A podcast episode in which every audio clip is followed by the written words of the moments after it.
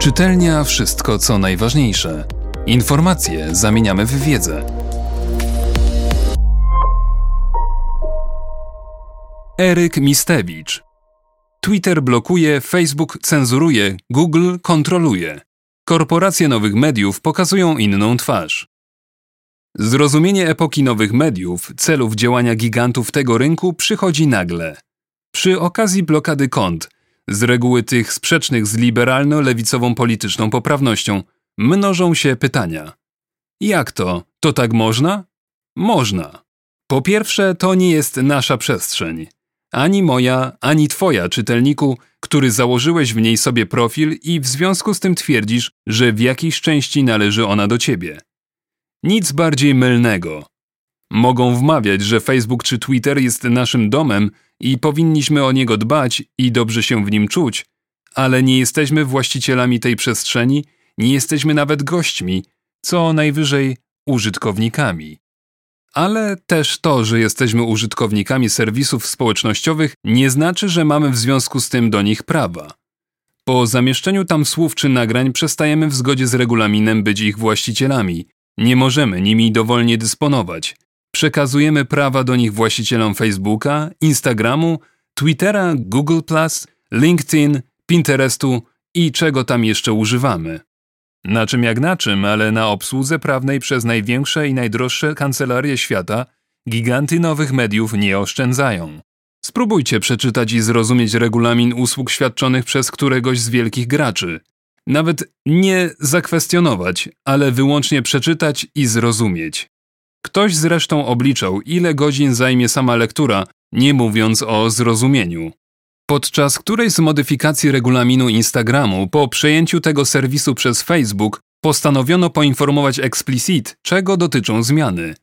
Młody prawnik przez nieuwagę wskazał zmiany dotyczące właśnie kwestii praw do deponowanych, a właściwie przekazywanych nieodpłatnie zdjęć w tym serwisie. Powstał tumult. Gdyby poinformowano jedynie, że wersja regulaminu AECX 265b27 zostaje zamieniona na regulamin AECX 265b29, nikt nie zwróciłby na to uwagi. Administrator serwisu w każdej chwili może nas bez najmniejszego problemu z niego wyrzucić. Może usunąć to, co wyprodukowaliśmy i co często z wielką pieczołowitością przez lata sobie gromadziliśmy. Urywki zdań, zdjęcia, nagrania, rysunki.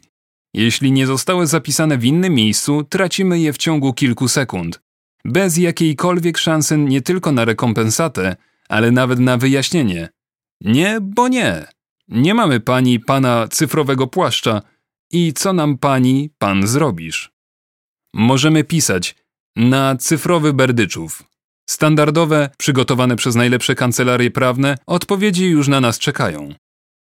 Administrator może nawet w poszukiwaniu modelu ekonomicznego zaprzepaścić całe zaufanie, jakie do niego mieliśmy i całą zawartość naszej szuflady pamięci po prostu sprzedać. Łącznie z komunikacją, którą, jak nam się wydawało, ukryliśmy przed publicznym dostępem. Gdyż prowadziliśmy ją poprzez direct messages, wiadomości prywatne, Facebook Messenger i inne maszynki dla prywatnych rozmów. Kto powiedział, że nasze zdjęcia intymne i takież wynurzenia, sekrety naszych firm i bliskich w pewnym momencie jeśli model biznesowy przestaje nam się domykać, nie mogą zostać wystawione na aukcję kto da więcej.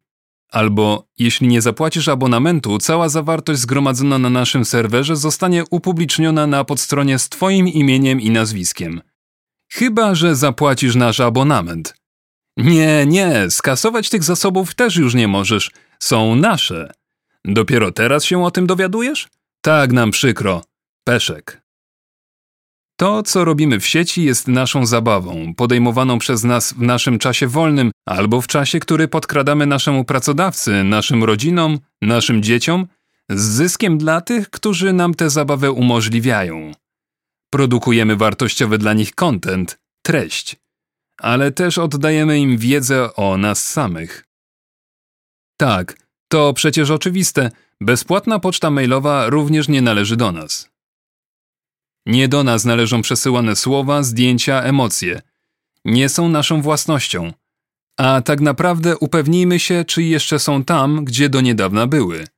I czy na pewno dobrze je zabezpieczyliśmy, aby należały do nas i abyśmy tylko my mieli do nich dostęp, aby nie mogły być analizowane, przetwarzane, dotykane. Nie, naprawdę nie chodzi o bardziej skomplikowane hasło dostępu, ale o to, do kogo te dane należą, kto jest ich absolutnym, stuprocentowym dysponentem. Po drugie, to Facebook zadecyduje, czy przeczytamy wiadomość, którą chciał nam przekazać nasz znajomy. Jeśli Facebook uzna, że nadawca informacji zbyt rzadko korzysta z serwisu, jego wiadomość przekaże tylko niektórym abonentom jego kanału. Chyba, że zapłaci, wówczas owszem, przekaże tę wiadomość wszystkim. Wielkie koncerny epoki nowych mediów tracą twarz przyjaznych, roześmianych firm, założonych w garażach przez złotych chłopaków z epoki internetowego podbijania Palo Alto. Jeszcze próbują podtrzymywać ten wizerunek filmami, serialami, konkursami wykazującymi, że są najbardziej pożądanymi pracodawcami wśród kończących wyższe uczelnie, ale już widać, że są równie drapieżne, jeśli nie bardziej, jak biznesy epoki węgla i stali. Bardziej drapieżne. Być może z uwagi na drapieżność świata, szybkość i głębokość zmian. Zmian tak szybkich, że już nie sposób reagować. To Twitter, Facebook, Google powiedzą, na czym chcą zarabiać, a użytkownicy tych serwisów będą mieli wybór. Zrezygnować z usług, wycofać się z tych miejsc w sieci. Nie jest to proste. Spróbujcie usunąć swój profil na Facebooku i dane złożone na serwerach Google, albo w pełni respektować zasady spisane w regulaminach, których nie są w stanie pojąć.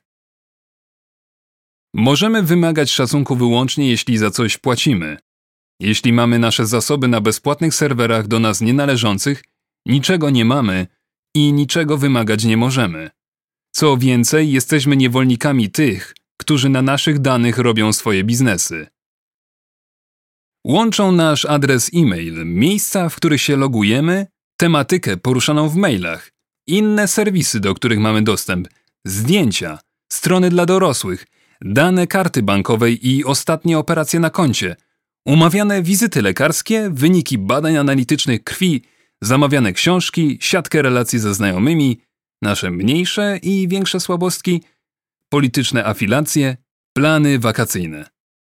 Z naszym adresem, numerem PESEL i, co od dawna już w tym procesie jest oczywiste, dawno bowiem nastąpiło z uwagi na inercję państwa, naszym imieniem i nazwiskiem. Nie, nie będziemy już dostawali reklam pieluszek. A jeśli nagle zostaniemy zasypani ofertami pieluszek, wózków dziecięcych, odsysaczy do pokarmów i ubiorów ciążowych, natychmiast porozmawiajmy z naszą córką. Być może chce nam ona coś ważnego powiedzieć.